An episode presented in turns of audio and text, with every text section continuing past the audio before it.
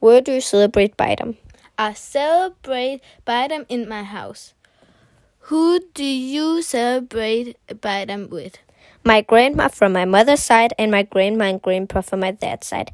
Then we visit my uncle and cousins and close friends. What are your favorite thing about Bajram? I don't have one. What kind of food do you eat? We eat traditional food, for example, pita. Pita has a pie with different things inside. We also eat lamb and different salads and potatoes. We also eat very many cakes. What songs do you sing? In my family, so do not sing to eat. Eat. What uh, what is important to you uh, at Bajram? The most important thing to me is that I am with my family. What is on your Bajram wish list?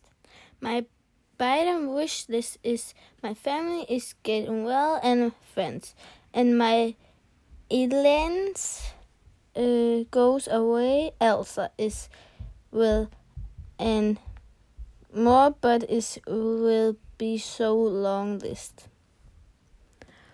Who do you celebrate? Uh? I start by being at home. After that, I visit my family. We also visit the older in our family first. Who do you celebrate Bajram with? I celebrate uh, with my family and friends. What are your favorite thing about Bajram? Is that we are together with our family and friends, and I love the food and the gifts we get. What kind of food do you eat? Uh, before you eat, you must uh, eat uh, the etas and drink water. Me and my family eat Bosnian food my mom make. What song do you sing? We don't sing, but we listen to different music. What is important to you at Bajram? Important to me is my family because I cannot see my family so much. What is uh, one uh, one you Bajram wish list? I don't have a Bajram wish list, but I get money on Bajram.